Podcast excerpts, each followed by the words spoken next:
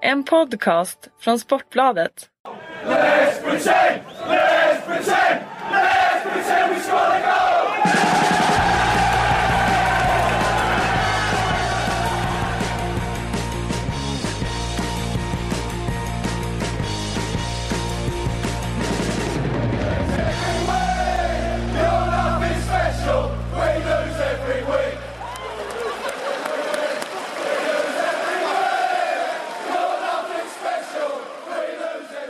Välkomna, välkomna ska ni vara till Sportbladets Premier League-podd. Det är fredag idag. Det blev en sån vecka, Kalle. Det blev en sån vecka. Ja. Precis, jag har varit i England faktiskt här nu i veckan och haft eh, fullt upp. Eh, Det är ju så när man eh, kommer hem därifrån så har man ganska mycket att, att stå i. Brukar det vara. För att då har man dels missat det man eh, inte har gjort här hemma. Men så har man ju med sig grejer därifrån som behöver skrivas ut. Ja, så är det. Ehm, men här sitter vi i alla fall, du och jag. Ehm, och ehm, en fördel med att spela in på fredagar är att man får prata lite Europa League. Det får vi ju aldrig göra annars eftersom vi eh, spelar in några timmar före det spelas. Precis. Ehm, vi hade tre engelska lag igång igår. Det är ju rätt läge att prata Europa League kan man ju säga med tanke på att Med det är sällan är heta matcher där. Men den här gången var det väl den hetaste av de heta. Ja, det måste varit den hetaste matchen i Europa Leagues historia som inte har varit en final. Som då, inte har liksom. varit en final så är det ju det. Ehm, den mellan Liverpool och Manchester United. Vi kan väl börja där då. Ja det tycker jag. Ehm, Liverpool 2, United 0. Eh, två, två omdiskuterade mål får man ändå säga, eh, även om det var ett eh, rättvist resultat. Ja, jag vet inte om det. Alltså jag, jag har ju sett, jag har ju noterat att det har varit omdiskuterat. Men jag tyckte det Straffen- var straff. Eh, Ja. Och eh, Henderson, är, är, Henderson är någon, ja, någon fot offside i djupledslöpningen ner Ja. där men eh, eh, ja, det, det jag har sett ju, värre eh, offside calls. Än det. Ja så är det. Eh, Eh, men eh, sett till det hela så var det ju inget snack. Liverpool gjorde en väldigt, väldigt bra match. United visade ju att man är långt ifrån i ett hälsosamt tillstånd.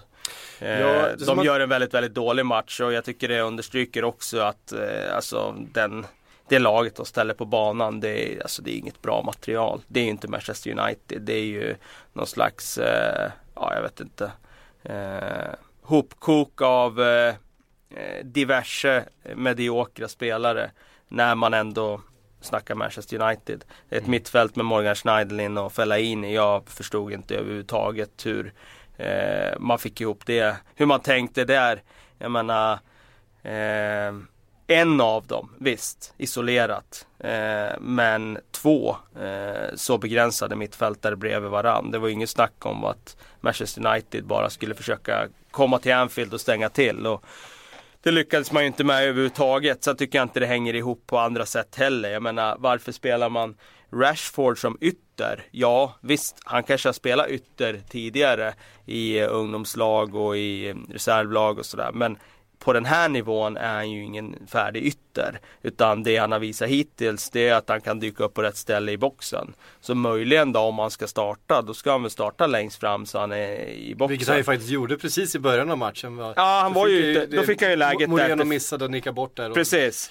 Eh. Men han startar ju från yttern då, han kommer ju in Ja. i bortre zonen.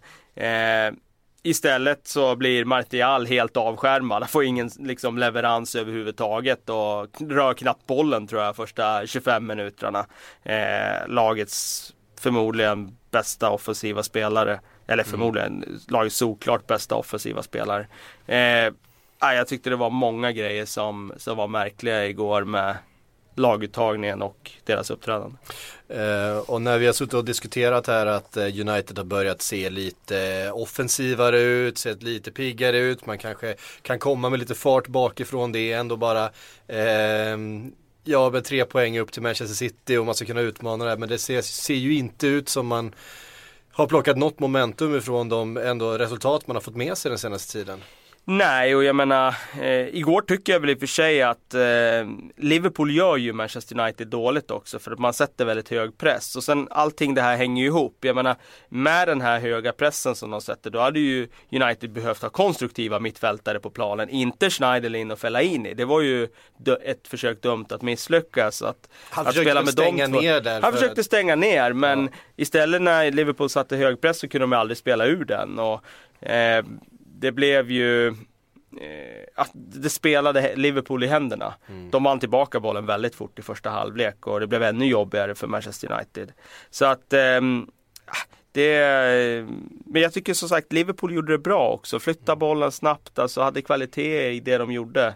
Eh, framförallt första halvlek och ja, det, det var Ja, det, och det var inte bara, eh, kan jag tycka det, att man vann tillbaks bollen snabbt. Man hade också kvalitet i, eh, i det man gjorde offensivt. Vi har sett Mm. Liverpool i många matcher eh, just göra det här, alltså vinna bollen tillbaks och ha mycket boll och vara det dominerande laget men, men inte ta sig till några heta målchanser. Så det kommer att eh, de Gea var ju ett monster igår, alltså han gjorde sådana räddningar eh, ibland framförallt på Coutinhos chans där som han bara, som han egentligen ska göra mål på. Han tror ju att de Gea är helt överspelad. Ehm, och ska stöta in den. Han väljer att göra det med en höger yttersida för att bara liksom enkel tap-in. Eh, när han hade kunnat bara bredsida in den med vänstern och då hade de Gea inte hunnit dit. Så att det, det var ju nästan en missad målchans men en fantastisk räddning.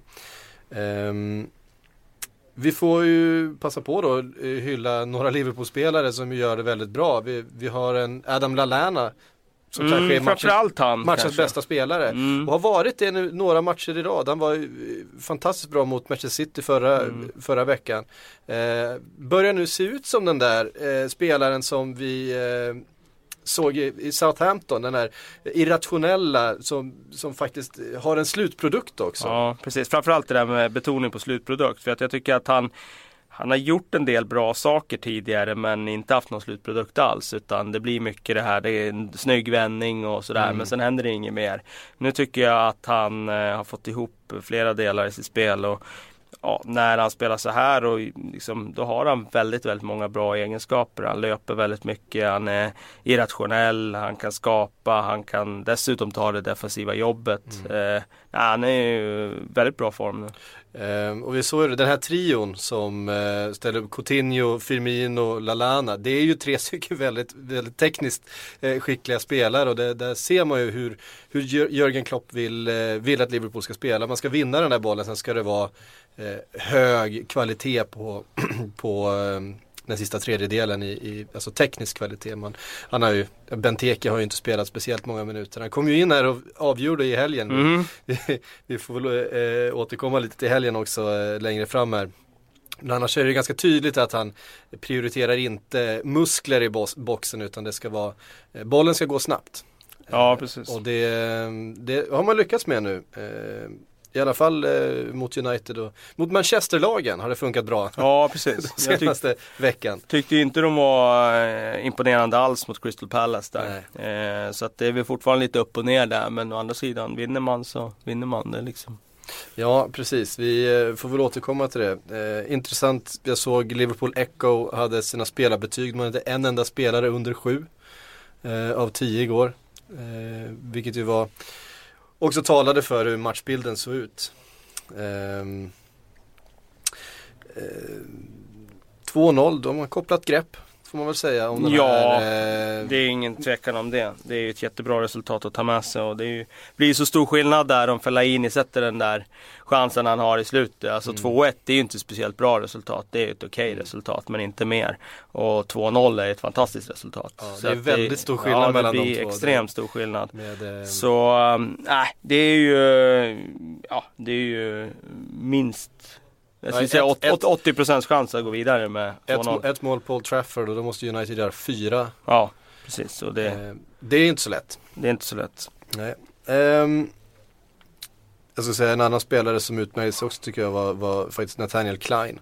Som ju har varit, sett stabil ut men inte fått så mycket uträttat offensivt. Jag tyckte han började säsongen bra. Ja, eh, Eh. framförallt, men framförallt så, så tajtade han ju till defensiven och, och, ehm, och såg till att den, den eh, blev avklarad. Nu höll han ju Memphis Depay Eh, borta ur, ur handlingen egentligen. Han hade väl något tillfälle då han lyckades komma förbi med sina eh, tricks och finter men, men eh, var egentligen osynlig större delen av matchen. Han är ju... Orsakar ju faktiskt straffen. Det är ju, det är Depay som fäller, Ja, som fäller Klein. Och där måste jag säga att eh, Eh, man kan ju alltid där hänga eh, Depay och det ska man ju göra. Men det är klart han gör sin, sitt jobb. Men att samtidigt lyfta den typen av löpning som Klein gör där, den är ju väldigt svår att försvara mot. Eh, lämna bollen från ytterzon och sen kliva in som ytterback sådär och sen få den eh, i nästa skede. Eh, det brukar vara väldigt, väldigt effektivt. Så att eh, jag hyllar snarare Klein där än, än sågad Depay. Däremot så kan man ju säga att eh, alltså, att ta bort Depay offensivt, det är ju inte någon jättemerit att hänga i julgran. Det är ju inte den första ytterbacken som har gjort det den här säsongen. Nej, eh, det var Midtjylland-killen där, jag kommer inte ihåg vad han heter. Han hade, han hade, han hade, inte, världens, han hade inte sin bästa dag på jobbet eh, mot Depay i förra, förra omgången här. Eh, vi hade ett annat engelskt lag som spelade igår också, Tottenham som eh, ja, hade det svettigt borta mot Dortmund kan man ganska lugnt påstå. Eh, 3-1. Ja, De fick i alla fall ett bortamål. Ja, det var såklart eh, samma sak där, stor skillnad. Eh, få det där målet. Men eh, det var ändå förvånansvärt faktiskt att eh, Tottenham i den här formen de har varit i åker dit och blir så pass eh, eh, mörbultat av Dortmund som jag inte tycker har imponerat liksom extremt mycket eh, den här säsongen. Så även om de börjar väldigt bra under Tuchel där i höstas men tycker vi inte att de... Eh, De alltså, har väl haft några eh, hyfsade resultat nu på senaste. Slog man inte Bayern München eller man, nej, man kryssade mot Bayern München ja, kryss var det så, såg i så fall. Eh, härom sistens. Nej men det var, jag tyckte också det kändes som att eh, Men det, det var ett styrkebesked för Bundesliga får man Ja, säga. ja, men det var- Dortmund som... det ja, var ändå liga tvåa mot liga tvåa. Ja, Eh, precis. Och det var ganska tydligt tycker jag att, att Dortmund kände sig som det starkare laget. Ja, Eh, på ganska många positioner och sen så har man ju Aubameyang där framme som, ja, vad är han uppe i nu? 33 mål på, det är, jag tror han snittar på ett mål per match. Det är helt sjukt. Eh, Han har inte fått den crediten han förtjänar. Det kanske är för att det finns andra i fotbollsvärlden som tar lite limelight. Alltså, Mm. Jag tänker på dem, den där trion i Barcelona och, och så. Men, ja, men sen, eh, sen det är ju han gör, precis, precis efter där Så i, är det i, ju, i, och- eh, i målstatistiken. Alltså, statistik är helt fantastiskt nu nu läste jag någon rubrik idag att han hade tydligen tackat ja till Real Madrid eh, i all hemlighet men eh, vi får väl se hur det blir med det. Men det är väl inte omöjligt att eh, Real Madrid värvar en sån typ av marknadsmässigt eh, gångbar och såklart skicklig spelare. Faktiskt en spelartyp som Real Madrid skulle behöva just nu. Eh, en vindsnabb eh, ersättare till eh, nu tappar jag. Nu tappar Benzema. Jag. Benzema, precis. Ja absolut men jag skulle säga vem behöver inte en Aubameyang? Ja. Alltså alla lag. Ja så är det, verkligen. Eh, Tottenham då, hur tror du? De, det känns ändå som att eh, om man jämför matchen mellan Liverpool och United där Europa League på något sätt eh, fungerar så lite som en bakdörr in till Champions League. Det är ju det som eh, alla pratar om så har ju Tottenham ganska mycket annat att spela för på hemmaplan. Där är man faktiskt inblandad fortfarande i en titelfight eh, på ett sätt som man väl aldrig varit, eller inte varit på Sen väldigt, väldigt Sir länge. Bill Nicholsons dagar. Eh, så här Eh, sent på säsongen. Eh, ja precis, och jag menar eh, det går alltid att säga där vi satsar på Europa League och sådär. Men jag tror att där Tottenham är idag så tror jag inte att det De är... gråter inte om Nej, de åker alltså, ut här och, och Pochettino kan säga en sak utåt men jag tror att innerst inne så känner han nog så här att Europa League sin... Det är inte jättemycket prestige Nej, det är inte ut mot, prioriterat, mot liksom. Dortmund Nej. heller. Alltså det, det, det, är liksom, det, det skadar inte självförtroendet. Säg att man hade åkt ut mot Sparta Prag. Så hade det kunnat göra någonting med självförtroendet. Men jag tror ändå liksom att nu, de har en så jäkla bra chans i ligan här. Jag tror att det är bara det som liksom upptar deras, eh, jag tror faktiskt det. Ja. Även om de säger något annat så tror jag ändå det. Eh, retur på White Hart Lane nästa vecka. Mm, intressant Eh, såklart. Se, framförallt intressant att se hur eh, Pochettino väljer att ställa upp där. Eh, man ligger under, man har viktiga matcher framöver. Mm. Eh, Kanske testar att gå för det i början. ja. eh, vi får se. Eh, extremt offensiv uppställning. Eh, viktaren kanske, ska bli intressant att se med två forwards Mm. från start. Eller att han Kör med lite högre yttrar. 4-3. Får se. Deli Alli har ju saknats eh, nu hur mycket, eh, alltså det, det låter ju märkligt att, att ett lag som Tottenham skulle sakna en 19-åring som faktiskt eh, inte ens eh, var med i startelvan i början på säsongen. Men visst känns det som att eh, de saknar honom? Absolut, och det säger ju egentligen bara någonting om hur bra han har varit. Eh, inte, inte så mycket om Tottenham utan mer om Dele Alli som faktiskt har Ja men han, han är ju som spelare, mittfältare som bidrar med så mycket. Både med mål, eh, skapar, eh, vinner bollar, fördelar bollar. Lite av varje. Så att, Det är eh, som, som Bosse Pettersson brukar säga, han ställer frågor. det gör han, eh, utan tvekan. Ehm, det var Europa League det. Det var ju första, första halvan spelad. Nästa vecka eh, blir väl en torsdagsinspelning antar jag, så då får vi väl bara spekulera i hur det har gått. Eh, den andra stora rubriken det senaste dygnet har ju rört Newcastle och Rafa Benitez som av allt att döma kommer eh, kliva in och, och ska göra sitt bästa för att styra upp kaoset uppe i norr. Eh, vad ger du för den eh, utnämningen Kalle? Ehm, ja, alltså. Det, det måste ju göras någonting.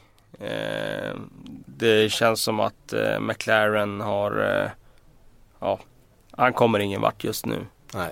Eh, sen tycker inte jag att materialet är så bra. Jag vet att andra tycker att det är bättre än vad jag tycker att det är. Men jag tycker inte att Newcastle spelar material är speciellt bra. Visst, de har lagt en del pengar men det är bara att jämföra med andra klubbar. Jag tycker inte att det är ett fantastiskt spelarmaterial de har. Men är det Eh. inte för bra ändå för att ligga där de ligger? Alltså om man jäm, jämför spelarmaterialet med de andra klubbarna. det kan också med vara- Aston Villa, med, med Norwich, med Jo men Aston Villa ligger ju också i träsket. Ja absolut, att- men jämför med Sunderland då som ju Ja, är den, den okej. mest relevanta jämförelsen. Ja, okej. eh, Men om, om vi tar så här då. Att det blir ett problem när man tror att man har bättre spelarmaterial och när omgivningen tror att man har bättre spelarmaterial än man har. För att har du ett material som är uttalat, ja men det här är inte bättre än så här. Vi vet att det här måste vi göra för att ta poäng. Norwich till exempel. Ja men då kan du ju spela på liksom ett eh, kollektiv som vet att det är det här som krävs. Jag tror det är större problem när man är liksom Newcastle och sen får vissa för sig att materialet är bra eller inte bra jämfört med topplagen men bra jämfört med bottenlagen. Och sen blir det liksom ett underförstått krav på att man ska på att man ska spela kanske mer liksom underhållande och sådär och då, då tror jag man har större problem. Det, det, det, det är det de har haft den här säsongen. Alltså, eh, jag tror att eh, de hade behövt en Tony Pulis liksom.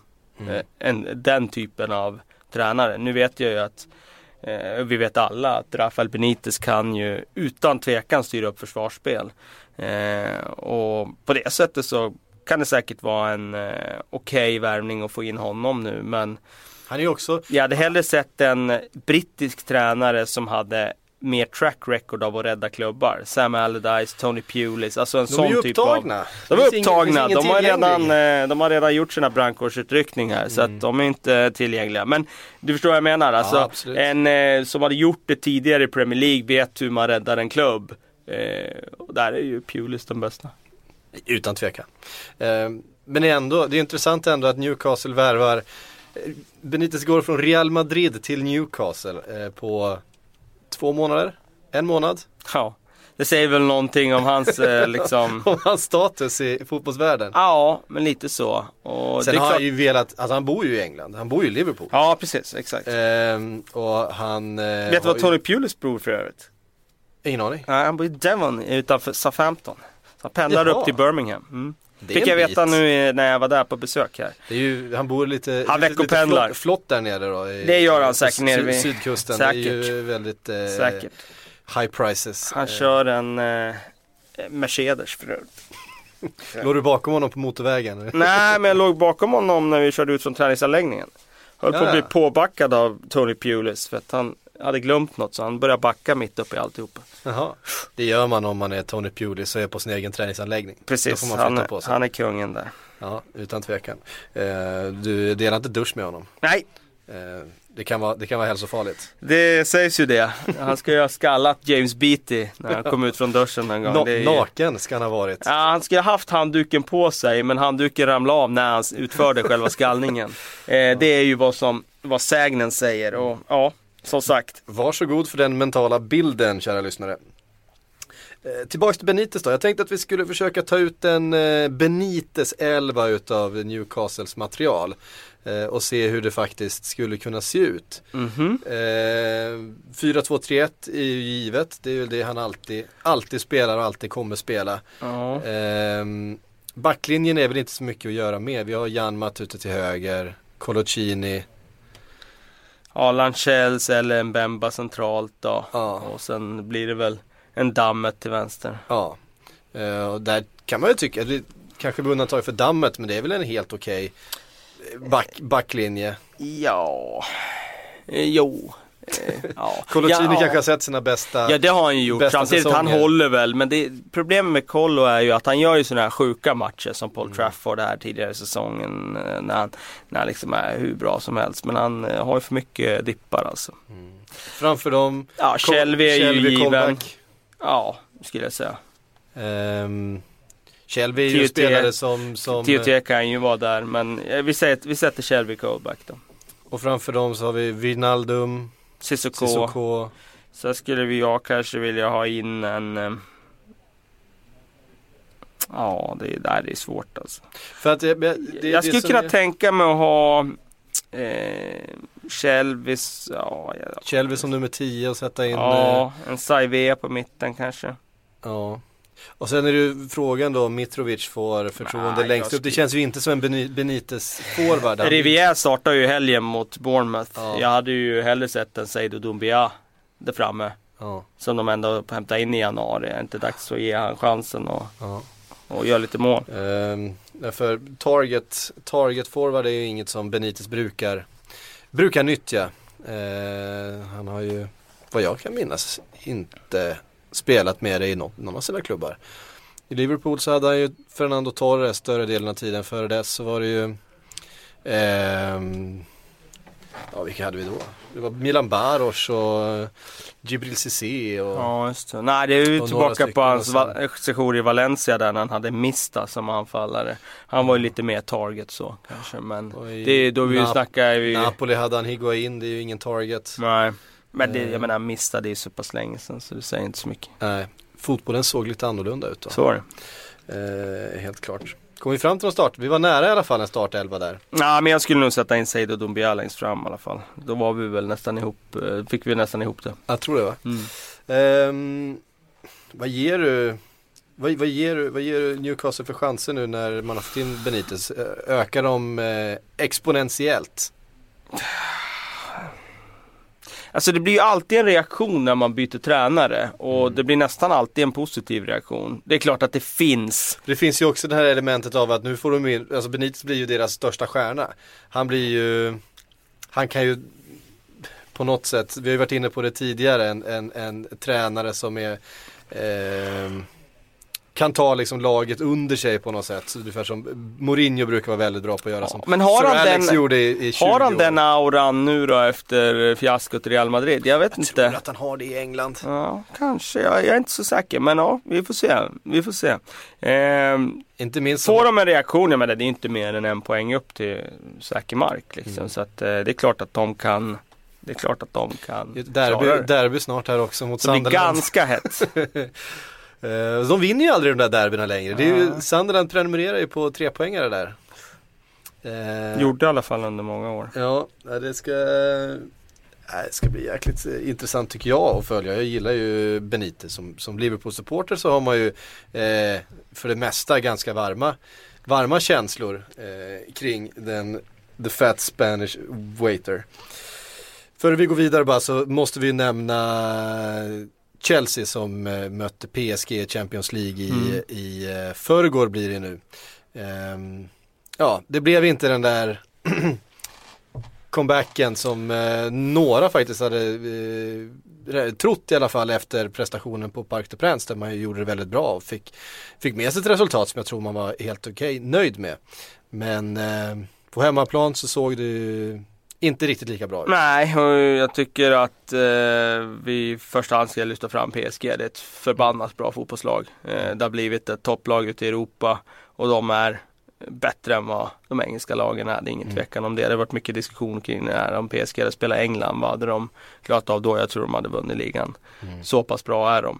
De har ju spetskvalitet som eh, Chelsea till exempel inte har den här säsongen.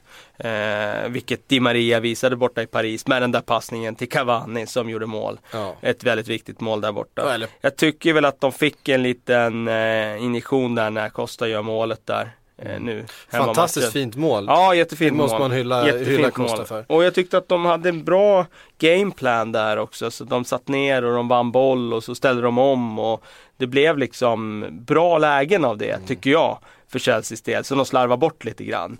Eh, och PSG just i den fasen av matchen så vaggades de in lite i den där tryggheten att de fick äga boll och sådär. Men sen tappade de faktiskt bollen några gånger också. Det kostade ett mål, det hade kunnat kosta fler mål.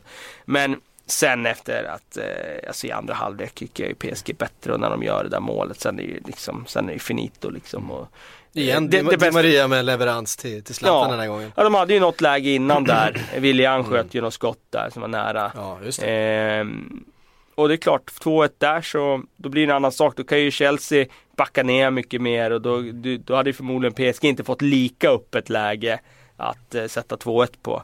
Eh, så visst, men eh, det är ingen tvekan om att det bästa laget gick vidare från det här dubbelmötet. Och då ska man ju veta att de har inte med Verratti som jag kanske tycker är en av deras absolut bästa spelare. Så är det ju. Chelsea saknar i och för sig också spelare då, men Ja. eh, i Terry som är väldigt viktig då. Men eh, eh, visst är det så. Mm. Det, det bästa laget gick vidare. Ja. Eh, så vi bara nämna nästa vecka så, eh, så ska Arsenal spela mot eh, Barcelona. Man ska göra det utan Koscielny, Gabriel, Mertesacker och Peter Cech. Ja, lycka till. Ja, det blir den sammanfattningen. Vi får se, någon av dem kanske hinner tillbaks men det är skadorna som de ser ut just nu i, i backlinje och på målvakt. Det är kanske inte, inte situationen man vill ha när man ska möta den där trion där framme. Nej, den är lite jobbig. Eh, spela på många mål kanske eh, är läget. Jag tänkte att eh, före vi går vidare vi ska ha en Eh, en legendar. Legendaren är tillbaka. Den är, har varit efterfrågad. Det var någon som skrev till mig på Twitter att han, han skulle sluta lyssna om vi inte körde eh, eh legendaren den här eh, veckan. Så det får vi lov, lov att göra då. Eh, jag avslöjar inte vem det är. Eh, först vi kommer dit. Men jag tänkte att vi skulle ta en liten titt på vad som hände i helgen och då framförallt The North London Derby. Eh, som ju antagligen åldrade Erik Niva eh, ganska många år där han befann sig på White Hart Lane och slets mellan hopp och förtvivlan. Eh, vad är dina intryck av den matchen? Nej, det blev... Ingen typisk derbymatch skulle jag säga. Nej, det var det väl inte, men eh, till slut blev det ju eh, verkligen en missad chans för Tottenham, tycker jag. Alltså, bättre i första halvlek, eh, ligger under då. Mm. Eh, får den där utvisningen med sig då. Och eh, gör två mål och i, i det läget, alltså de ska ju vinna den matchen. De ska ju säkra tre poäng och, och liksom ta ett stort kliv framåt i titelstriden. Eh, att de sätter sig själv i den situationen att det blir 2-2 mål, det tycker jag tyder på orutin och eh, slarv. Så att, eh, nej, eh, jag eh, eh, tycker väl att Tottenham ska vara jäkligt besvikna att de inte tog den där chansen. För att man får inte så, i deras fall har de inte fått så många bra chanser de senaste 15 åren att besegra Arsenal. Eh, de har gjort det några gånger.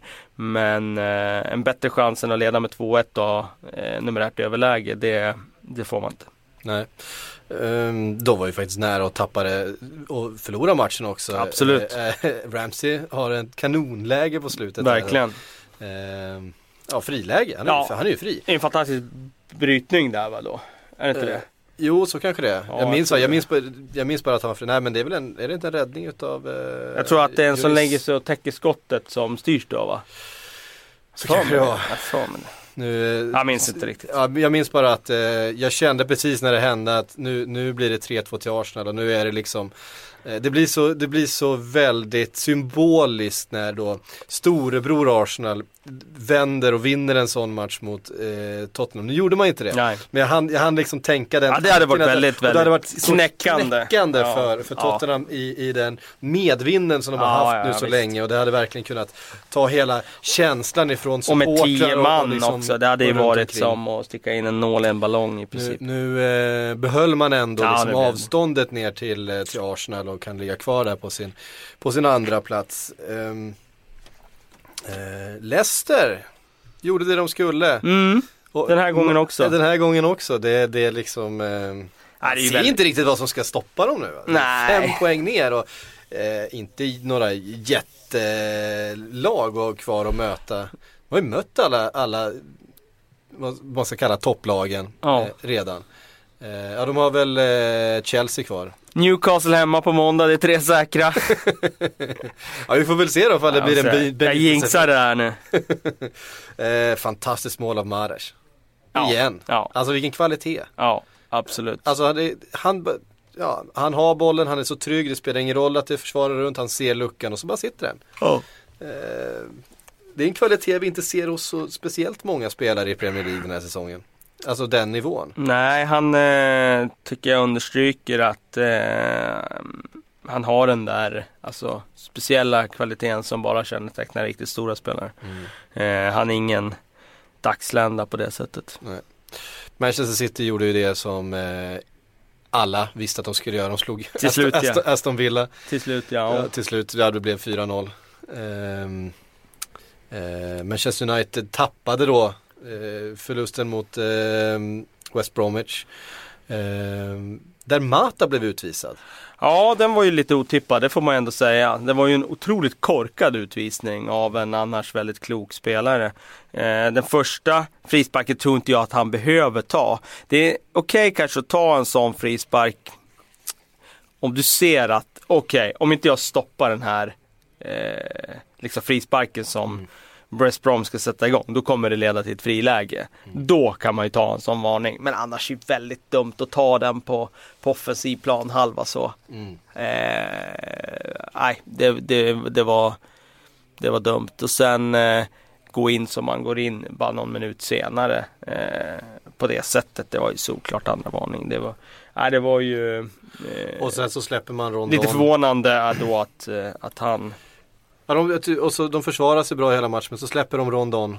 Som ju är i jättefin form just Mm, nu. får man eh, säga. På slutet och, och, och då sitter ju bollen. mm, Eh, Rondon var ju, kom ju med väldigt eh, höga liksom, vitsord till Premier League. Och hade verkligen. Lite svårt att komma igång men nu börjar han ju se ut som en, Ja, han gjort Eh, en fyra som mål en- på sex matcher. ja, som, där. en, som en klassforward. Han, eh, jag tycker jag kommer ihåg när han var i Malaga, han var ju riktigt bra där. Alltså en klassspelare och han har ju det mesta med sin fysik också. Mm. Eh, och jag tror att eh, haft lite liksom, inkörningsperiod. Men sen också nu Det är när inte Berra- helt lätt att komma till, om man har spelat Malaga och man varit i Ryssland så kommer, ska man spela under Tony Pulis. Ja, eh, nej det är en annan sak. Men sen också att de har börjat spela nu med Berahino och Mm. han på topp. Och jag tror Berahino har underlättat för honom faktiskt massor med just att En han klassisk big man little man. Ja, det ska, blir det ska till en Tony Pulis för att eh, gå tillbaks till, eh, till hittar den grunderna. ja. Ja, så att, eh, nej men han har sett bra ut. Eh, helt klart. Och ehm, United tappade chansen då att haka på Manchester City och, i kampen om fjärdeplatsen där. Ehm, West Ham däremot Mm. eh, utnyttjade den extremt svaga vinnarmentaliteten som finns eh, på Goodison Park just nu. Everton som eh, helt enkelt inte kan vinna fotbollsmatcher känns som. Eh, de har 2-0, de har en straff. Och förlorar ändå matchen med 3-2. Ah, det är helt otroligt alltså den matchen Alltså om man tycker med som- Lukaku i den formen han har, alltså jag ska bara målet, borra in den. ja, men målet han gör, alltså han, Mm.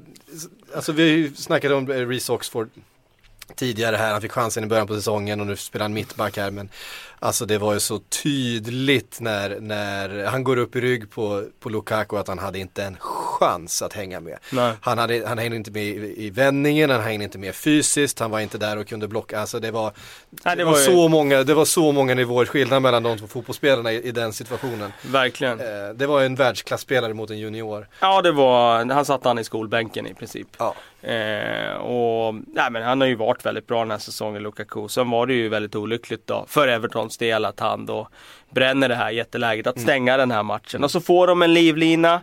Och sen måste jag säga, de har ju Och så väldigt många... som bara råder i den klubben ju. just nu. Men också det här med West Ham, om man tar dem då. De, alltså, de har ju så många vapen. Då kan de ha en Carroll som ger ett annat typ av anfallsspel. Alltså, då kan du lyfta den där bollen. Det är ingen chans från början. Men han står ju och bufflar med två gubbar liksom. Mm. Och tar den där duellen och sen, sen är det liksom mål igen. Och, Han är, han är fenomenal. Ja, han är Det fenomenal. Han är fenomenal och det är bara eh, konstatera att eh, West Ham har eh, väldigt bra organisation. Men de har också väldigt många olika typer av anfallsvapen. De har en deadball specialist i Payet som är eh, en av de absolut bästa i ligan på just det. De har Carroll som kan komma in och göra eh, det längre spelet. Mm. Eh, de har liksom de här spelarna som kan eh, erbjuda djupledsspel, Sarko och eh, Valencia och så vidare. Så nej, de, eh, de ligger där av en anledning. Och sen har de ju uppenbarligen en fantastisk moral. För Ja. annars vänder man ju inte sådana här matcher. Nej, Slaven Bilic har ju gjort, verkligen gjort det här till ett lag. Ja, Eh, och det, det, trodde man, det trodde i alla fall inte jag inför säsongen. Man, man eh, kände ju, eh, alltså när, ja, framförallt när de slog Arsenal i premiäromgången där man känner att jo men här finns en högsta nivå och man tänker att det här blir ett lag som kommer eh, svaja väldigt mycket, vilket man ju också gjorde i början. Men, Mm. men det har verkligen Ja, det har verkligen blivit ett lag utav det, Mm. som du säger med väldigt många verktyg i verktygslådan. Eh, och sen då förstås en Dimitri Payet som, som den självklara stjärnan som ju Så är den som kan, som kan leverera den där, den där eh, högsta klassen i, i många matcher. Och, och en, eh, där kan vi snacka slutprodukt på, på, på tillslag och Absolut. på framspelningar. Och, absolut. nej men sen måste jag säga, jag är imponerad av Mark Noble. Eh, han har ju tuggat runt på det där mittfältet i jäkligt många år nu. ja. Men eh, jag tycker nu han är mer, mer komplett än han varit tidigare. Liksom. Tvåvägsspelet är ju fantastiskt. Alltså, krigar. Eh, jag tycker ju Kouyaté också lite så underskattad. Spelar bra fysik. Alltså det är ingen du går in och, och tuggar ner på ett mittfält. Utan då ska det till ganska mycket styrka för att göra det. Mm. Eh, tung att möta och eh, också liksom passar bra i West Ham spel. Så de har ju Ja, de har en del bra man, spelare. Man, man, man löser en sån situation när de har då eh, skadekris i backlinjen och får då sätta in en 17-årig eh, Ja, Reece Oxford, eller han hunnit fylla 18. 17. Han är fortfarande 17. Ehm, och, och det är ju klart att det är en, det är en svaghet att spela med en 17-åring eh, mot Lukaku men att man ändå har den moralen att ja men då gör de två mål men då får vi göra tre. Mm, absolut. Eh, det är Absolut. imponerande. Ehm, vi ehm, ehm, vi ska väl nämna någonting om ett par matcher till men vi gör det längre fram. Vi har fått ett par frågor som ehm, kanske leder in oss på det. A lot can happen in three years, like a chatbot may be your new best friend. But what won't change? Needing health insurance. United Healthcare Tri Term Medical Plans, underwritten by Golden Rule Insurance Company, offer flexible, budget friendly coverage that lasts nearly three years in some states. Learn more at uh1.com. Eh, hörru du, nu eh, tar vi och kör legendaren tycker jag. Kör! Och det är inte mindre än eh, en av mina absoluta favoritspelare från, eh, ja, men från mitt liv som, som eh, åskådare utav engelsk fotboll är Dennis Bergkamp. En, eh, ett geni på många sätt. Jag såg, eh, alltså hans stats är ju magiskt. Han har gjort 87 mål för Arsenal men han har gjort 116 assist.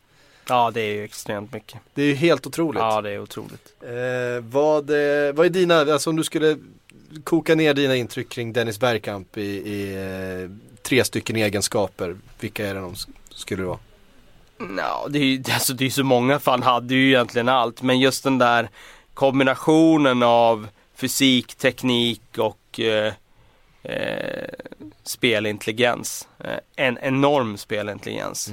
Eh, den var ju väldigt speciell och han är eh, utan tvekan en av de spelarna som eh, har haft högst, högsta nivå i Premier Leagues historia skulle jag säga faktiskt. När han var som allra bäst och då var han inte bara ligans bästa spelare, han var liksom en toppspelare ute i Europa. Jag vet ju att han var nominerad till Ballon d'Or något år, var det 97 eller? Var det så tidigt? Så det Ja, jag, jag kollar upp det under tiden här, men Ja. jag tror det var något sånt. Och, eh, alltså, det påminner oss om hur bra han var. Att han var bra, det, det vet alla. Men alltså Mm. han, var, han var under flera år kanske topp fem ute i Europa. Ja. Och kom från Inter där, där han inte lyckades så bra. Eh, Gjorde ändå några mål. Absolut, men han hade ju ännu större, man hade ju ännu större förväntningar på honom där Mm. i Inter än vad... Efter tiden i Ajax så han kom ju fram som en, Precis. Eh, på den tiden Ajax var ett av världens bästa klubblag. Eh, så kom han ju fram som den nya stora eh, produkten. De producerade ju otroliga mängder världsspelare Mm. under 90-talet Ja, det Ajax. Det, det, eh, det, så att det saknar, saknar jämförelse egentligen hur mycket.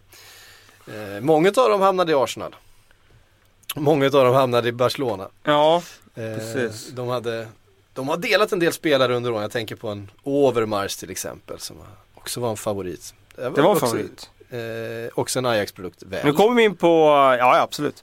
Nu kommer vi in på Overmars här. Men eh, om vi ska gå tillbaka till Bergkamp då. Ja. Så eh, jag hittar inte här vilket år det var Ballon d'Or där. Men han var i alla fall nominerad till det något år. Eh, vill jag minnas. Och ehm, nej men sen, han var ju eh,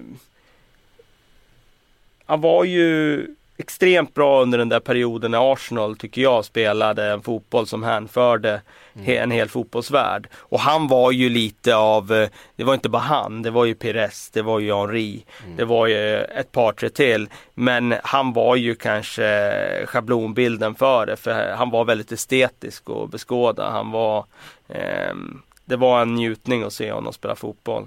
Och Han gjorde det där väldigt offensiva laget så bra som det var. Alltså, ja, han alltså- fick ju någonstans delarna att sitta samman. Alltså när bollen kom upp på honom så det var liksom signalen för de andra att börja springa. Och jag menar, han var ju definitivt hovleverantören till Fredrik Ljungberg. Ja. Eh, för just det där Bergkamp eh, som hittar med ett instick in till en Ljungberg som antingen avslutar i mål eller utanför. Det såg man ju liksom, det kändes som det var tio gånger per match. Det var det ju inte men, men det kändes som det. Det var verkligen ett tema i deras spel. Sen var han ju också ett problem för Arsenal och det var ju med hans flygrädsla. Ja. Att han inte eh, flög till matcher ute i Europa utan avstod ibland spel. Han, han åkte ju buss när det var, gick att göra det. Eh, men eh, det hindrade ju Arsenal i Europaspelet under den här perioden. Så det är ingen tvekan om det. De fick ju avvara en, eh, kanske sin bästa spelare i, i många matcher under den här perioden. Och det ehm, var ju såklart olyckligt. Ja, det är en märklig, eh, märklig grej det där med hans flygrädsla. Men han tog sig i alla fall. Jag kommer ihåg att det var en stor diskussion kring eh, fotbolls-VM då som skulle spelas i eh, Japan och Sydkorea. Mm. Tog han Transsibiriska järnvägen då eller? Satte Nej, han, han flög faktiskt. Ehm, jag vet inte vilka, vilka mediciner de hade tryckt i honom. Jag vet inte, kanske var som den här Sövde gamla, de ner han det kanske var som den här gamla serien A-Team, kommer du ihåg det? När- Jag kommer ihåg A-Team. Ja men B.A. Baracus, eh, Mr T, han var ju så flygrädd så han var alltid tvungen att så här, knocka honom på något sätt med några eh, knockout-droppar som de stoppade i hans eh, morgonkaffe så för att de Så skulle du menar att det var. Mr T som gjorde de det, gjorde här i Bergkamps? De gjorde Mr T Ja, men det var inte. Mr T som gjorde det nu då? Ah, det vet det, Ja. det håller jag inte för Nej, omöjligt. Det hade ju varit eh, lite häftigt faktiskt. Men eh, man hade ändå velat se den här diskussionen, alltså i början, alltså när han kommer till Arsenal. Eh, och liksom första gången så här, men jag, jag, jag flyger inte. Ja, nej. Och det- den så här, men vadå flyger inte? Vi ska ju till vart vi nu ska. Ja. Vi ska ju ner till Spanien och spela fotboll. Det, det är liksom, det finns inget annat sätt att ta sig dit liksom. Nej men jag, jag flyger inte, det, det bara är så. Nej, hur ska du ta dig dit? Nej, det vet jag inte men eh, Alltså den, den, den konversationen måste ju varit väldigt speciell mellan honom och Wenger. ja. Eh, Den är ju svår att, ehm, att komma med som spelare från början. Det är ju ingen bra förhandlingssituation när man förhandlar om kontrakt. undrar, undrar ifall det diskuterades när han kom från det är Inter. svårt att tro. Svårt att tro. Ehm, för det måste ju varit en, en, eh, en issue både i Ajax och Inter. Han eh, drabbades ju av det här under VM 1994. Det var då det började. Det var så? Ja, Okej, det det visste var jag det. inte. Jo, det var någon passagerare som eh, sagt till honom att det fanns en bomb ombord på planet och efter det blev det någon slags mental låsning för honom. Mm. På, Det väg det till, på, bakgrunden. på väg till USA. Ja, eller om det var på plats i USA. Jag minns Ja, inte okej, det. det jag minns det inte det. ehm, det hade varit lite jobbigt att bila runt till de olika eh, matcherna i ett sånt mästerskap. Ja, ett, jo, ett sånt precis. Det kan man säga. Ehm, jobbar för Ajax nu igen, precis Mm. som många andra. De är fenomenala på att knyta, knyta upp sina produkter Mm. tillbaks till organisationen. Verkligen. Är där som eh, eh, assisterande, tror jag. Ja, i någon sån roll är han där. någon form. De är väl ett helt gäng utav den Ja, de är hur gamla, många som helst. sam, samma generation där som är Stämmer. eh, tillbaks och jobbar för. Vilket är ditt favoritögonblick ögonblick då med Dennis Bergkamp? Är det Ah, det, är landslaget eller Arsenal? ah, det finns så många i Arsenal, men alltså det där målet han gör mot Newcastle, det är ju en sån. Eh, såklart. Eh, det, det är det som fastnar på näthinnan och liksom vevas om och om igen när man säger Dennis Bergkamp. Eh, Och ni men som säger måste- att det inte var med flit, ni har fan, inga, ni har, ni har fan inget hjärta i kroppen alltså. Eh, han har ju berättat om det där. Han har, ju, han har ju tränat på det där. Men det var väl inte meningen just att den skulle gå Knorra sig exakt så, så. Nej, exakt sådär. Men det var, ja, jag, jag minns inte exakt eh, vad han sa om det där. Men eh, Man har aldrig Han har sett det efter om det. dess. nej, det har man ju inte. Men sen är det ju också hans mål mot Argentina i VM 94 där när han, eh, helt- eller VM 98, förlåt, Ja, VM 98. VM 98. När han tar ner Frank de Boers långboll och, och vänder bort backen och sätter det bort i kryss i sista minuten där. Det är väl, ja, det är väl de två. Fantastisk nedtagning där. Ja, det får man säga. Herregud vilken, eh, vilken teknik.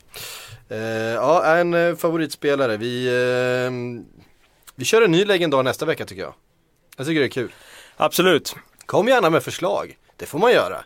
Eh, jag, jag lovar ingenting men eh, har ni någon spelare som ni vill att vi ska eh, orda lite om så här en, eh, en bit in i podden så eh, det är bara att höra av sig. Eh, vi har fått en eh, massa frågor Mm, som kör. vanligt. Det är väl bara att köra på. Kör. Eh, Alexander Silversten har skrivit på Facebook, för det vet ni va? Att ni kan gå in och likea Sportbladets Premier League-podd på Facebook och där kan man också ställa frågor och diskutera med varandra i, i ehm, Ja, i i kommentarsfälten. Jag vet inte vad det heter, jag är dålig på jag är för gammal för sociala medier. Men Alexander Silversten eh, skriver, vilka är ligans fem bästa målvakter enligt er? Gör gärna i ordning plats 1 till 5. Jag kan, Oj. om vi börjar med nummer ett så, tyck, så, så anser jag att vi såg honom igår kväll och det är de Gea. Ehm, jag menar så, så viktig som han är för Manchester United och så bra han är i varenda match egentligen. Han gör ju, har han gjort några misstag den här säsongen? Ja, det var Nå- väl något, något där i höstas men eh, nej. Det, det, han är ju väldigt, väldigt bra. Det är ingen tvekan om det. Jag håller också honom som För etta. inte bara det att Men sen är, det också sådär, vilket perspektiv ska vi prata? Prata den här säsongen eller? ja prata- just nu skulle jag ja, säga. Ja, just nu ja.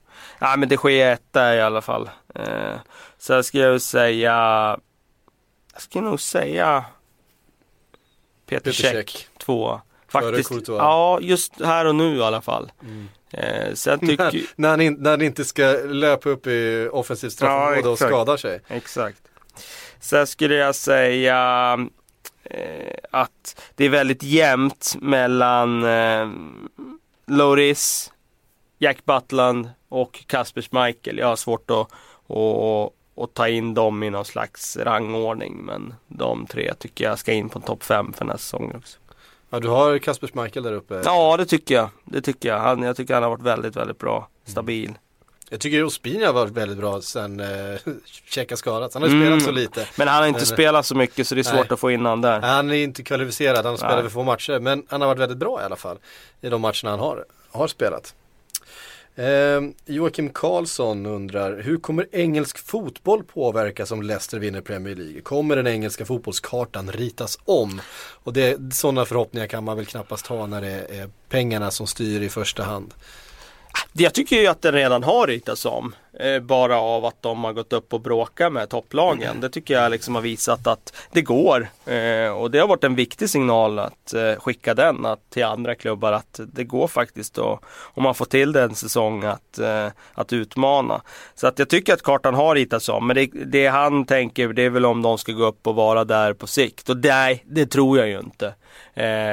Jag tror att vinner de ligan nu så blir det en en sån här otrolig säsong som ett lag Mm. kan göra och som inte hänt i England på, ja sen kvarn brann. Men det har hänt i andra ligor någon gång för, sådär. För jämförelse med Blackburn till exempel på 90-talet, den är inte, den haltar lite grann för Blackburn var ju faktiskt ett De var jättebra. Eh, De var ett jättebra Ja, lag redan absolut. innan Och lagt hade enorma lagt- pengar. Ja, och var ju, de hade köpt Absolut. ihop ett, ett fantastiskt lag. Absolut, nej de var ju en av favoriterna spelare. då den Ja. säsongen. Det är ingen tvekan om det. Eh, Leicester kom ju faktiskt från eh, hot om nedflyttning förra säsongen. Ja, ja absolut. Nej, det här är något helt annat. Liksom. Det här är något helt annat. Däremot finns det väl sådär ute i Europa. Har ju, menar, Stuttgart vann ju Bundesliga här för Mm. eh, och de är en stor klubb så absolut. Men om du tittar på hur det har gått för dem efteråt. Wol- Wolfsburg gjorde. Wolfsburg gjorde det. Ja, Eh, Så det finns exempel. Så. Ja. Men eh, Leicester är något helt annat där och det, jag tycker att det, det, det har redan ritat om kartan men det, jag tror inte de blir kvar i toppen. En, eh, nej precis, jag fyller på dem med en fråga för att eh, det är ju några spelare som det har eh, handlat om verkligen som har gjort det den här säsongen. Det är Mares, det är Kanté och det är Vardy. Det är väl de tre egentligen. Sen har de andra dragit sitt strå. Jag tänker på Drinkwater och Albrighton och eh, backlinjen och så vidare har ju, har ju gjort sitt. Men, men eh, anledningen till att de är där uppe det, det får väl ändå tillskrivas de här de här tre spelarna i Kanté, Mares och, och Vardy. Och då blir ju frågan, David Johansson skriver kan man vänta sig att han har tagit eh, Mares och Payet som exempel. Eh, värvas till desperata Chelsea eller United i sommar och tynar bort alla Depay och Pedro. Eh, hur mycket förväntar vi oss att Nej, det- Leicester köps sönder nu? Alltså vi tänker hur, hur Nej, vad som men- händer med Southampton när de Ja, ja nej, men det, jag kan absolut se det i, i spåkulan. Att en sån som Kanté flyttar i sommar och att han inte är ordinarie i nästa klubb. Det Mm. kan jag absolut se. Så det är ju jätteviktigt för han och hans rådgivare att de, för hans skull då, att de väljer en klubb som, som är lämplig. Inte en klubb som bara betalar det största lönekuvertet. Men jag har inte så stora förhoppningar där om att agenter ska gå på något annat än, än stora pengar. Så att, eh, eh, jag kan tyvärr se den farhågan. Hade du gär- helst sett att han stannar? Ja, absolut. Jag tycker alltid alla spelare ska stanna i sina klubbar. Mm. Eh, jag tycker inte att de ska hålla på och byta. Det är väl roligt att och, ha- skaffa Så att lite... klubbarna får en identitet Ja också. men att spelarna också får lite liksom eh, identifieras med en klubb. Jag gillar ju inte, jag har sagt det många gånger, jag gillar ju inte det här när, eh, när barriärerna eh, blir mindre. Alltså vissa övergångar ska inte vara möjliga men Nej. nu är de ju möjliga. Så att det är ingen som det rycks på axlarna när, när eh, liksom en eh, Danny Welbeck går till Arsenal. Liksom. Mm. Och åt andra hållet och fram och Ja, tillbaka. ja, ja visst. Ehm, och Snart kommer ju det- barriären mellan Liverpool och Manchester United också vara bruten. Det är bara en Det- det tidsfråga. den- det är den som finns tidsfråga. kvar Det är den egentligen. som finns kvar. Det är bara en tidsfråga. Bara en tidsfråga. Det finns ju en barriär fortfarande mellan Tottenham och Arsenal även om den har brutits. Men eh, ett par gånger med Gallas och Campbell och så vidare. Det är klart att den finns. Adebayor. Det år. Men det klart att den finns. Han gick ju inte direkt då från Nej, Arsenal nej. till Tottenham. Eh, men eh, ja, det är bara en tidsfråga innan alla barriärer är borta, tyvärr. Vi vet ju att United var inne och fiskade efter Sterling i somras. Ja, precis ja, ja, precis som klart. Manchester City. Ja det är klart. Ehm, helt klart. Uh, Payet då, som han nämner här. Jag tycker däremot att om, om fotbollskartan håller på att ritas om på något sätt så är det väl att West Ham börjar mer och mer se ut som en klubb som ja, men på ett par säsongers sikt ska kunna börja hota de, de större klubbarna, inte bara spelmässigt men även ekonomiskt. Och, det är, är ju en jätteklubb. Man har nu den nya jättearenan att tillgå, Olympiaarenan. Ja inte än då men snart. Ja men snart, man har, Mm. man har ju den snart. Man har ett lag som börjar se riktigt bra ut. Man har en, en, en tränare för framtiden som, eh, som verkligen ser ut att vara the real deal. Eh, och man har ju en, en internationell fanbas redan nu som gör att man eh, Ja men alla de här viktiga sakerna med de här stora sponsoravtalen, eh, tv-pengarna, det, det finns ju redan i England. Ehm, Ja nej det, det, de har ju Alltså, potential nu att ja. i första hand bara ta ett kliv upp och bli en sån där klubb som eh, är på topp 8. mm. Och sen i nästa skede så Nästa fas så ser jag inget hinder till att de inte skulle kunna nästa kliv. Men det är klart att det är en bit dit fortfarande. Men jag ser inget hinder Nej, nu. ser- Det finns en enorm potential i den klubben just Ja. nu. Alltså om man jämför med Leicester som man väl ändå någonstans får, får, får räkna som en lite dagslända den här säsongen. Jag, jag, jag har svårt att se dem utmana om några topp 4 placeringar nästa säsong. Eh, ja vi får se men eh, ja. Absolut. Eh, men just West Ham har en annan, annan förutsättning känns det som. The Swedish Gooner har skickat jättemycket frågor och han var besviken över att vi inte tog upp någon av hans frågor förra veckan. Så då får vi göra det nu då. Eh, och han vill veta vår syn på Weng Wenger. Eh, vara eller icke vara, har han gjort tillräckligt för att själv få bestämma när han ska gå? Eh, min spontana känsla är ja. Min spontana känsla är nej. Jag tycker inte att någon tränare ska själv bestämma när man går. Oavsett om man varit där i 20 år eller, det tror jag inte är sunt för någon klubb. Jag tänker mest på, har han gjort tillräckligt mycket eh, i år och alltså han tar ju de där, han är ju där uppe. Det är, han, det är inte så att Arsenal ligger där Chelsea ligger just nu eller där Nej. Liverpool ligger mm. för den eller United. Det är inte, det är inte så. Alltså de är ju där uppe, de har varit där hela tiden och har ju varit det laget utav de förväntade titelkandidaterna som har gjort det bäst. Man ligger ju före alla de andra. Visst mm, att Tottenham och Leicester har gjort det väldigt bra i en väldigt konstig säsong. Men jag menar, då tycker jag det är konstigt att, eh, att man skulle sparka Wenger.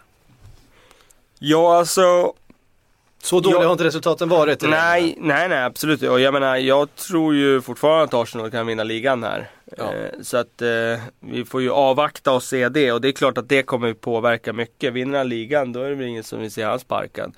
Eh, vi får avvakta lite och se resultatet. Men jag tycker inte att han har gjort tillräckligt för... Alltså, jag tycker inte att han ska få sparken i sommar. Det tycker jag inte.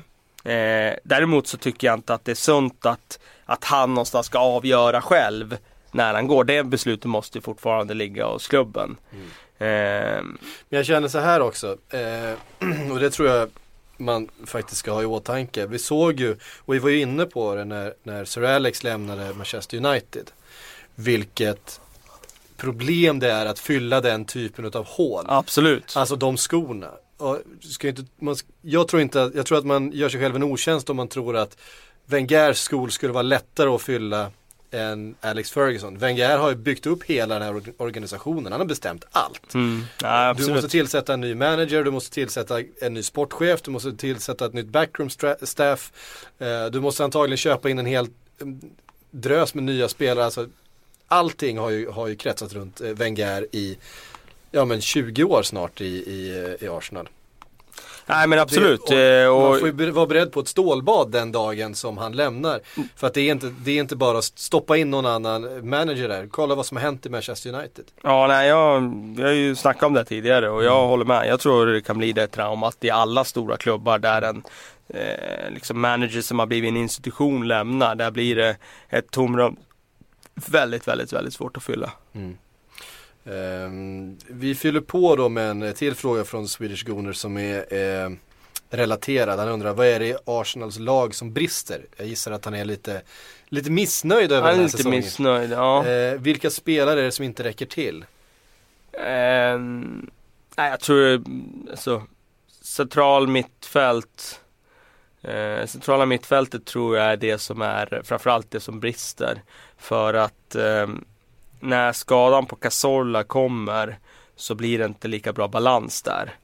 Uh, och Ramsey han kan ju vara fantastisk när han har sin dag och han uh, kör sitt, offensivt, men kör sitt bo så... box till box spel. Men det är ju mm. det som är grejen att så blir det de där matcherna när han fladdrar iväg för mycket och öppnar laget bakåt och där där tycker jag han blir en belastning ibland för, för laget. Jag såg en statistik där eh, han var den mest dribblade spelaren i hela ligan. Mm. Alltså den som åkt på flest mm. dribblingar. Mm. Eh, och det säger ju någonting om hans defensiva brister ju. Även om han producerar sen, mycket poäng. Och då snackar du bara om att bli bortdribblad. Jag tycker det största problemet när, när han inte blir bortdribblad utan när han inte ens är på plats. Alltså ja. det är ju det stora problemet. Så att Um, nej, jag tycker han, är, han kan bli en belastning för Arsenal och det, det är ett problem. Sen tycker jag väl i och för sig då att uh, mittförsvaret är okej. Okay, men det är inte klockrent. Det är inte, det är inte superbra. Det är alltså Mertesacker har sina liksom skavanker med liksom så. Gabriel eh, för ojämn fortfarande. Ja. Koscielny bra. Ja. Eh, för ändå man tycker, alltså, den här säsongen känns det ju ändå som ett mer eh, cohesive lag. Alltså, jag tycker att det finns ingen position, alltså ytterbackarna har sett väldigt bra ut. Och det, eh, det, är ingen, det är ingen position där man har liksom varit nere på två plus. Nej, det är det inte. Eh, det det, är är därför de ligger där de ligger också. Alltså Ja. att de slåss om titeln. Det är för att de... Sen har de ju som vanligt haft otur med skador. Alltså en Alexis Sanchez kom ju av sig fullständigt. Så är det. Eh, Men är det otur eller oskicklighet? Ja, det är en väldigt bra fråga. Det kan man diskutera länge. De eh, har ju bytt uh, fystränare några gånger. Ja. Eh, Tänkte på så här som, som West Bromwich till exempel. Mm. De har inte så här supermycket skador. nej. Nu blev ju Brunty, Ja. eh, Chris Brunt skadad här men det var ju mer en tackling. Alltså sådana grejer går ju inte att... nej Det är matchsituationer, de, det är en annan de, sak. de drar inte ligament på träningarna. Nej, och, men då kollar ju det här men liksom Pulis han kör ju inte så hårt på träningar heller. Nej. Eh, kör väldigt lätt belastning på träningarna. Däremot kör han ju extremt hård försäsong. Mhm. Alltså extremt hård. Eh, tre pass om dagen. Eh, ut och löpa i bergen före frukost. Sådana där grejer. Mm. Eh, men eh, ja, det, det, jag, tror, jag tror inte man ska stirra sig för liksom mycket på att det är otur när man drabbas av skador. Utan jag tror att man, man får av en anledning. Ehm, vi eh, tar en fråga från Facebook till eh, Marcus Karlsson. Är Harry Kane en bättre variant av John Guidetti, det vill säga en man med enorm arbetsmoral som i sig är en otrolig egenskap, eh, men utan den här riktiga spetskompetensen? Ja, jag tycker på, kanske passa in då på Guidetti men eh, Kane tycker jag har Tycker jag, jag tycker att målet mot Ja. eh, Arsenal visar på en hyfsad spetskompetens. Ja, alltså man vrider ju inte in den på det sättet annars. Och sen eh, tycker jag han har spetskompetens också med eh, Jag tycker att det är en spetskompetens att inte ha några svagheter för han har inga direkta svagheter heller Kane. Eh, han är inte direkt dålig på någonting. Eh, så nej, jag tycker att han eh, eh, Nej, jag tycker Jag tycker han har spets faktiskt. Tycker jag. Um, Anes Dujsic skriver eh, Tror ni West Ham kommer knipa åt sig en Champions League-plats? Nej. Det känns, eh, det känns som det är Manchester Citys eh, ändå. Jag tror det, men eh, vem vet, det går inte att utesluta något den här säsongen. Men om du frågar vad jag tror så säger jag nej. Ehm, Robert Nikander, snacka lite om Jörgi Time. Eh, är det taktiskt är det taktiskt att Klopp har lyckats vända matcher på övertid? Eller är det team spirit eller bara ren tur? För det har det gjorts ganska många gånger sedan han kom in. Så har ju Liverpool faktiskt lyckats eh, både vända och eh, kvittera. jag tror inte på- det är taktiskt, på- utan jag tror det är mer övertid. på, mer på att Klopp har eh, lyckats eh, skapa någon slags team spirit Mm. som gör att vi, Liverpool kör hela vägen in. Eh, och det är det som tar dem runt de här eh, hindren snarare än att, eh, att han har gjort något taktiskt och förändrat. Visst man kan peka på att sätta in den spelaren och han gör mål. Ja visst men du vet ju aldrig om den spelaren som hade varit kvar om han hade gjort mål istället. Alltså sådana där. Eh, Sen är det väl också, kan jag tycka, för att eh, den som har gjort det eh, flest gånger är ju faktiskt Benteke.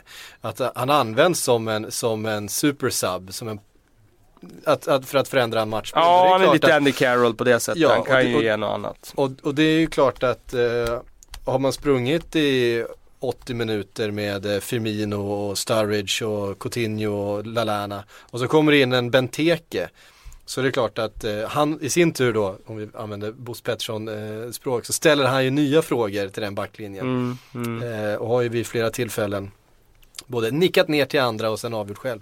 Bland annat nu i söndags. Skulle du nämna den där, är det, är det straff?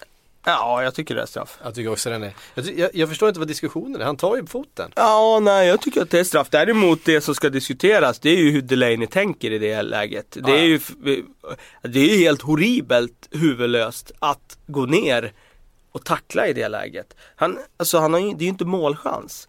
Eh, man får inte göra det. Två sekunder kvar av tilläggstiden, alltså eh, han ska göra löneavdrag. Det är ju ett eh, otroligt misstag. Och sen att göra det i det läget där Crystal Palace är nu, det är väl symptomatiskt i och för sig för vad den klubben är i för situation. Men det är ju ett eh, sanslöst misstag alltså. vad säger de om Pardew efteråt? Han säger att well he pulled out of the situation. Ja. Alltså det, Det gör han ju lite så. Han gör ju det lite. Han drar ju eh, så han har ju lite otur Delaney. Men likväl han träffar ju och det är jättekorkat gjort. Så att det går inte att snacka bort. Men han försöker ju lite dra, dra sig ur. Det Mm. gör han ju. Han inser nog precis där att han, när han, han känner att han kommer efter. Och han inser nog precis i, i hundradelen där att shit, vad har jag gjort? Mm. Ehm, kylig, straff, kylig straff av Benteke. Det var intressant den där för att när jag såg det i realtid då tänkte jag att det var straff. Ja. Sen såg jag första reprisen och tänkte att nej det var ju absolut inte straff. Ja. Och sen när man såg fler repriser då tyckte jag nog ändå att det var straff. Ja, Men man, knät tar foten. Ja. Och det är ett läge där, där Benteke springer allt han kan. Och ska dessutom försöka vika in där. Så han har liksom eh, tyngdpunkten åt det hållet. Så det är klart att eh, sen så är det klart att han Han, han, Han hjälper till, han så hjälper är det ju. Men det är inte den första spelaren som har hjälpt till i fotbollsvärlden. Nej, så är det. Eh, hörru du, tack så hemskt mycket för att du kom idag Kalle. Ja, eh, vi nu hörs ska jag sätta mig igen. och skriva massor. Vi hörs om en vecka igen. Hej.